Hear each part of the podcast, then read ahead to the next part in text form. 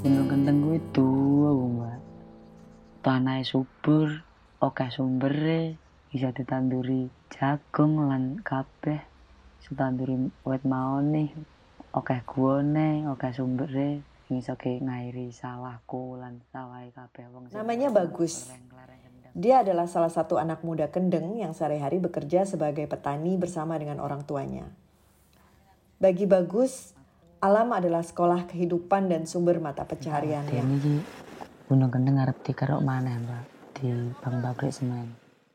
Namun hal ini berubah saat pabrik semen merusak daerah Kendeng yang asri. Bagus dan seluruh warga Kendeng tentunya tidak hanya tinggal diam. Satu lampu dari Kendeng Squad yang berjudul Berani Bertani. Oke, langsung hantam.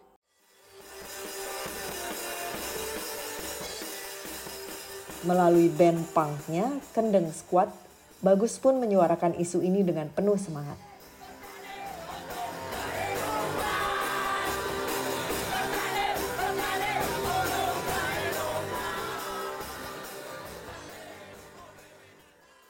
Halo, jumpa lagi dengan saya Devi Asmarani dalam podcast Magdalene's Mind.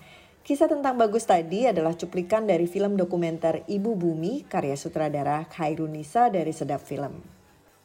Film dokumenter ini adalah inisiatif dari organisasi Publish What You Pay atau PWYP Indonesia yang juga merupakan salah satu penerima dana hibah Voice. Voice itu adalah sebuah program yang dijalankan oleh Yayasan Humanis dan Inovasi Sosial atau HIVOS bersama Oxfam Novib. Nah, yang menarik nih, saat ini sampai tanggal 31 Desember 2021, program ini sedang menerima proposal untuk dana hibah Voice tahun 2022. Kalau kamu atau organisasi kamu tertarik untuk tahu lebih banyak tentang dana hibah ini, yuk ikutin episode ini sampai akhir.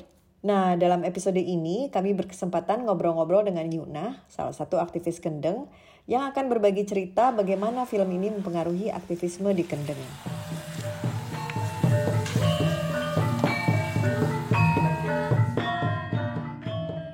kan di, Rembang itu tambang-tambang kan sudah merajalela begitu. Jadi teman-teman berenam itu menanyakan ke kelurahan, tapi jawabnya lurah disuruh tanya ke kecamatan. Terus sampai di pingpong terus menerus terus menanyakan juga dari kecamatan disuruh menanyakan ke kabupaten. Akhirnya dulur-dulur berenam itu kirim surat waktu itu masih Presiden SBY, jadi akhirnya kirim surat mulai dari ke provinsi sampai ke presiden. 2014 tepatnya pada tanggal 16 Juni 2014 itu mau, mau ada peletakan batu pertama. Tapi pada waktu itu ada banner yang ada gambarnya Mbah Maimun, Mbah Maimun Zuber itu itu mau ada istighosah damai untuk Rembang.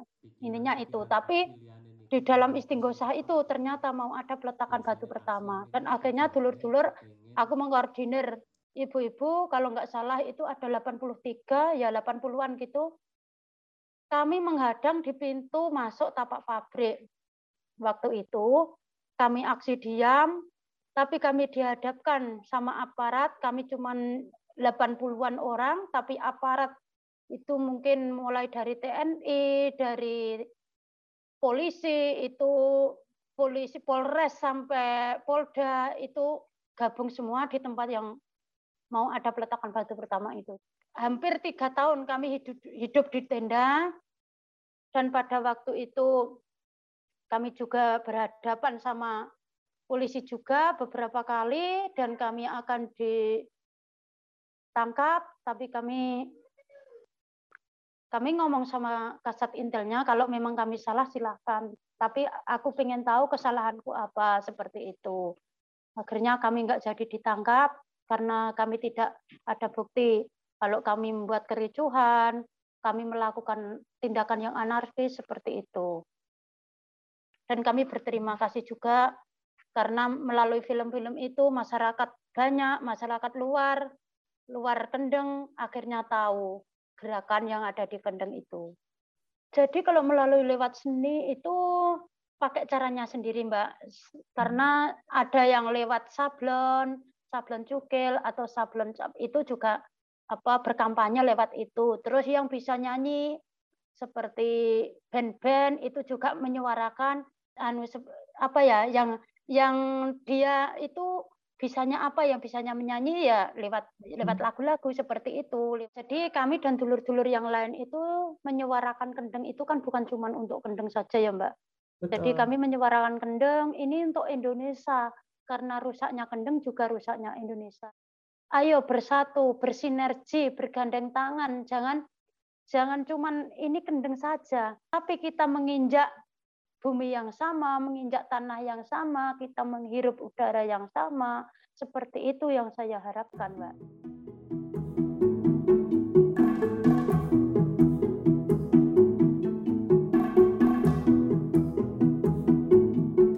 Saya penasaran nih tentang dana hibah voice. Di sini sudah ada Tazia, Program Development Manager Gender Equality, Diversity and Inclusion di Yayasan Hivos. Halo Tasya kita akan lagi ngomongin tentang hibah voice yang dijalankan oleh Yayasan Humanis dan Inovasi Sosial beserta Oxfam uh, Novib. Boleh dijelaskan dikit nggak sih apa sih ini sebenarnya kayaknya masih banyak yang belum familiar ya dengan Yayasan Hivos itu dan fokus-fokus kerjanya gitu di Indonesia. Yayasan HIVOS uh, kepanjangan dari Humanis dan Inovasi Sosial. Sebetulnya kita sudah ada di Indonesia dari tahun 2005, tapi mungkin lebih dikenal dengan nama HIVOS Southeast Asia. Uh, di tahun ini 2021 kita memutuskan untuk uh, mendaftarkan diri sebagai yayasan nasional di Indonesia uh, untuk prinsip desentralisasi dan lokalisasi. Uh, tapi sebetulnya selain di Indonesia kita juga ada di Filipina, Timor Leste dan juga di Myanmar. Uh, Yayasan HIFA sendiri selain fokus area di gender equality, diversity dan inclusion, kita juga ada civic rights in digital age. Jadi itu lebih ke safety and security, uh, tentang freedom of, of expression, terus ada juga uh, mengenai uh, privasi atau data gitu. Uh, lalu selain itu kita juga ada impact area di climate justice. Jadi bagaimana climate crisis, climate change itu mempengaruhi kelompok-kelompok marginal. Uh, untuk program Voice sendiri itu ada di Gender Equality, Diversity and Inclusion. Voice uh, seperti yang sudah disebutkan tadi oleh Mbak Devi, Voice merupakan program kolaborasi dari HIVOS dan Oxfam Novib yang didukung oleh Kementerian Luar Negeri Belanda. Nah, Voice ini merupakan hibah uh, inklusi untuk eh, kelompok-kelompok uh, yang termarginalkan. Uh, kita ada di 10 negara, salah satunya di Indonesia. Dan hibah-hibah yang ada di Voice ini ditujukan untuk lima kelompok utama. Nah, kelompok yang kita identifikasi di Indonesia itu ada uh, perempuan yang mengalami kekerasan dan atau eksploitasi, uh, orang dengan disabilitas, LGBTIQ+, kelompok adat dan juga anak muda atau lansia.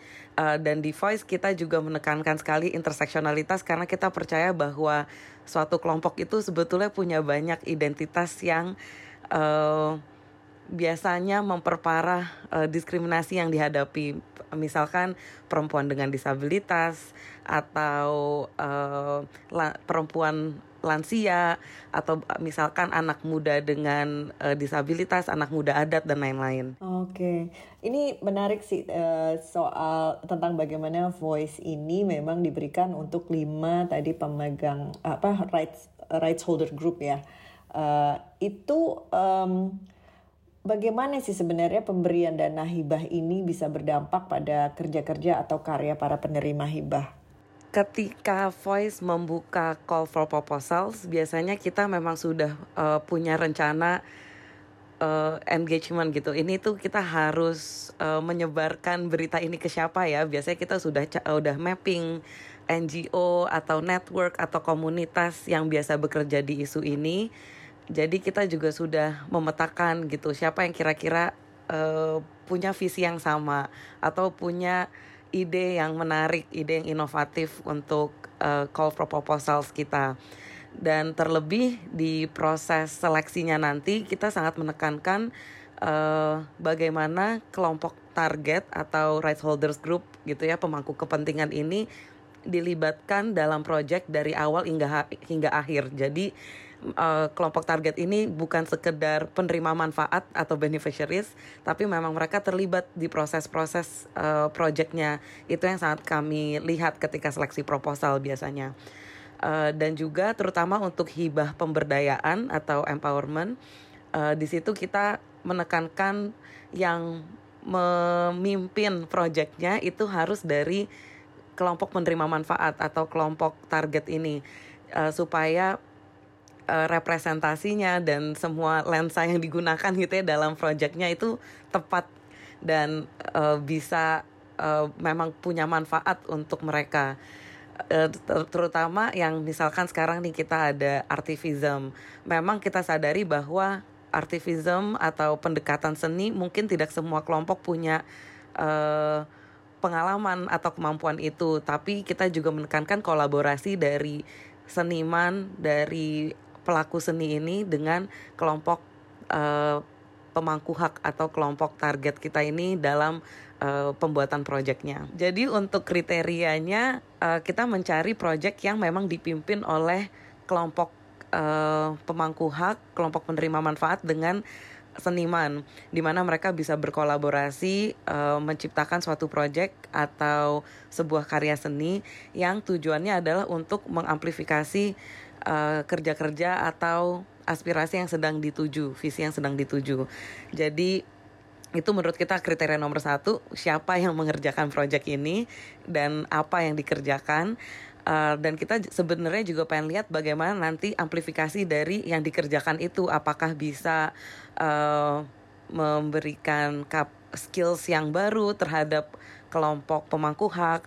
Apakah karyanya juga bisa menyuarakan uh, kebutuhan atau tuntutan-tuntutan yang selama ini uh, dimiliki dan juga bagaimana bisa menciptakan solidaritas uh, antar uh, kelompok pemangku hak ini.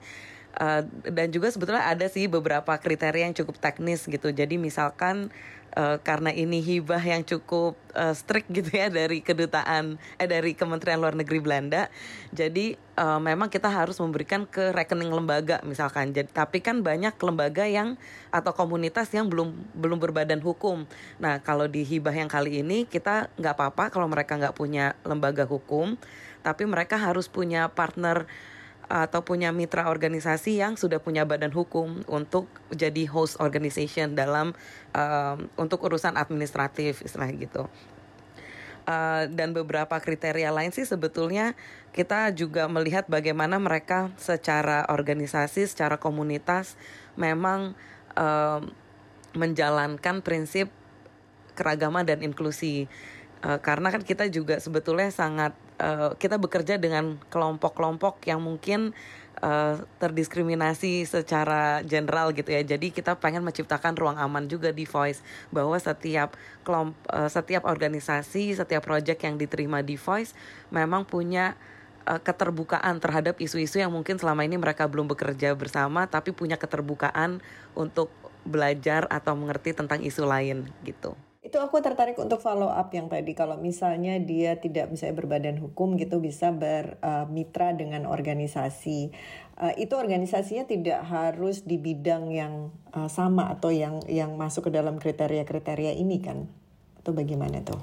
Uh, mitra organisasi atau host organisasinya bisa yang berbeda, tapi memang kita biasanya uh, juga menanyakan relasinya apakah uh, punya visi yang sama juga atau misalkan uh, pernah menerima hibah serupa. Jadi uh, ketika nanti kita host organization ini juga punya apa ya punya andil yang yang sama dalam me, memberikan ruang aman dan juga untuk mentoring sebetulnya ya ke organisasi yang belum berbadan hukum ini. Karena hmm, sebetulnya kalau beberapa contoh yang kita pernah punya dari organisasi yang belum berbadan hukum bermitra biasanya nanti mereka uh, akhirnya belajar untuk mengelola organisasinya lebih baik sampai akhirnya punya badan hukum sendiri jadi lebih independen. Jadi untuk uh, menjawab pertanyaannya untuk host organization ini uh, sebetulnya bisa siapa bisa organisasi apa saja cuman memang kita biasanya lihat relevansi dan hubungan yang sudah dibangun selama inilah gitu. Nah, uh, salah satu penerima hibah Voice tahun 2018 kan adalah Publish What You Pay ya, yang menghasilkan film yang memproduksi film Ibu Bumi. Uh, kenapa um, ini uh, mereka menjadi terpilih menjadi salah satu penerima grant? Uh, kalau ngomongin seleksi grant itu kan biasanya yang pertama kita dari administrasi ya. Kita lihat dulu apakah mereka eligible secara administratif. Terutama um, untuk publish what you pay karena waktu itu hibahnya yang cukup besar. Jadi kita kalau misalkan angkanya semakin besar biasanya kriterianya memang semakin banyak gitu. Nah, untuk publish what you pay uh, udah lolos administrasi lalu kita baca proposal lebih detail lagi tentang idenya. Nah, uh, bias uh, yang kita tertarik dengan publish what you pay adalah uh, mereka bisa menggabungkan beberapa isu yang cukup kompleks gitu. Jadi misalkan mereka membicarakan tentang uh, transparansi dan akuntabilitas di bidang ekstraktif. Uh, lalu menyambungkannya dengan orang-orang yang terdampak. Jadi uh, tidak hanya di level good governance tentang transparansi, anti korupsi, tapi juga bagaimana dampaknya terhadap uh, perempuan dan anak muda yang tinggal di daerah situ di Kendeng di Rembang gitu ya. Jadi itu yang waktu itu membuat kita tertarik untuk uh, bekerja sama dan berikan hibah untuk publish what you pay. Dan juga untuk pendekatan kreatif yang diusulkan salah satunya yaitu membuat film Ibu Bumi um, ya karena kita percaya bahwa isu yang biasanya jauh dari kita gitu ya karena kita misalkan tinggal di Jakarta nih kebanyakan orang-orang yang uh, decision maker atau NGO NGO itu kan semua kebanyakan di Jakarta gitu ya. Jadi cukup berjarak dengan apa yang sebetulnya terjadi di di wilayah-wilayah yang krusial ini. Melalui film kita tuh bisa lebih dekat lagi dengan apa yang sedang apa yang memang terjadi di sana. Dan bahkan orang-orang yang tadinya tidak tahu sama sekali dengan menonton film jadi punya uh, kesadaran jadi punya pengetahuan baru dan lebih baik lagi kalau terus punya uh, rasa ingin tahu gitu ya untuk ngulik untuk terus mendukung isu ini jadi uh, kita melihat uh, strategi kreatif yang dimiliki Publish What You Pay itu juga sangat efektif dan terbukti di film Ibu Bumi. Um, filmnya itu sebetulnya kan uh, filmnya sendiri sudah bentuk karya seni. Lalu di dalamnya memotret anak muda yang sedang membuat uh, lagu dan video klip gitu ya. Jadi kan ini sebetulnya double art. Jadi kita melihat bahwa bagaimana seni itu digunakan juga untuk menyuarakan isu yang sedang terjadi lalu kita rekam dalam bentuk film dampaknya jadi besar ketika orang menonton itu uh, orang jadi tahu apa yang sebetulnya terjadi keresahan yang ada eh, usaha-usaha yang dilakukan juga dan bagaimana uh, film itu juga akhirnya bisa kita taruh di banyak platform mudah diakses sehingga orang-orang yang tadi yang nggak tahu ya balik lagi dia jadi nonton jadi tahu dan umurnya panjang walaupun itu sudah diproduksi tahun 2019 ya kalau nggak salah. Ya 2019 sampai sekarang pun masih ada yang nonton gitu dan masih relevan. Jadi itu sih yang uh, menurut kita menarik dari uh, proposal publish what you pay dan hasilnya ya ternyata terbukti gitu. Um, tadi kan Tasya juga sempat ngomongin soal inter pendekatan interseksionalitas ya uh, kalau ngomong interseksionalitas kan kita nggak bisa uh, apa namanya memutuskannya dari uh, feminisme gitu ya. Karena Magdalene juga sebuah media feminis nih. Mungkin kami ingin tahu sejauh mana sih yayasan Hifos misalnya uh, mendukung pergerakan feminis di Indonesia? Apa aja sih yang mungkin jadi inisiatif atau uh, program-programnya mungkin gitu? Ya uh, ya di Hifos sendiri kita juga punya banyak uh, karena prinsipnya juga ada gender equality di situ kita sangat uh, apa ya mencoba mengaplikasikan nilai-nilai feminisme di semua proyek kita. Jadi uh, project atau program yang kita punya uh, kebanyakan juga tentang kepemimpinan perempuan. Salah satunya ada yang bernama Wilit didukung oleh Global Affairs Kanada. Program ini uh, khususnya mau memperkuat kepemimpinan perempuan di organisasi-organisasi tingkat nasional, regional sampai lokal um, agar uh, secara organisasi mereka lebih kuat lagi dalam advokasikan isu-isu perempuan. Nah, uh, tapi kita juga lihat karena konteksnya di Indonesia ini biasanya yang jadi barriers apa penghambat gitu kan biasanya uh, kultural dan struktural ya. Dan kalau yang secara kultural kita lihat tuh biasa biasanya adalah kepercayaan.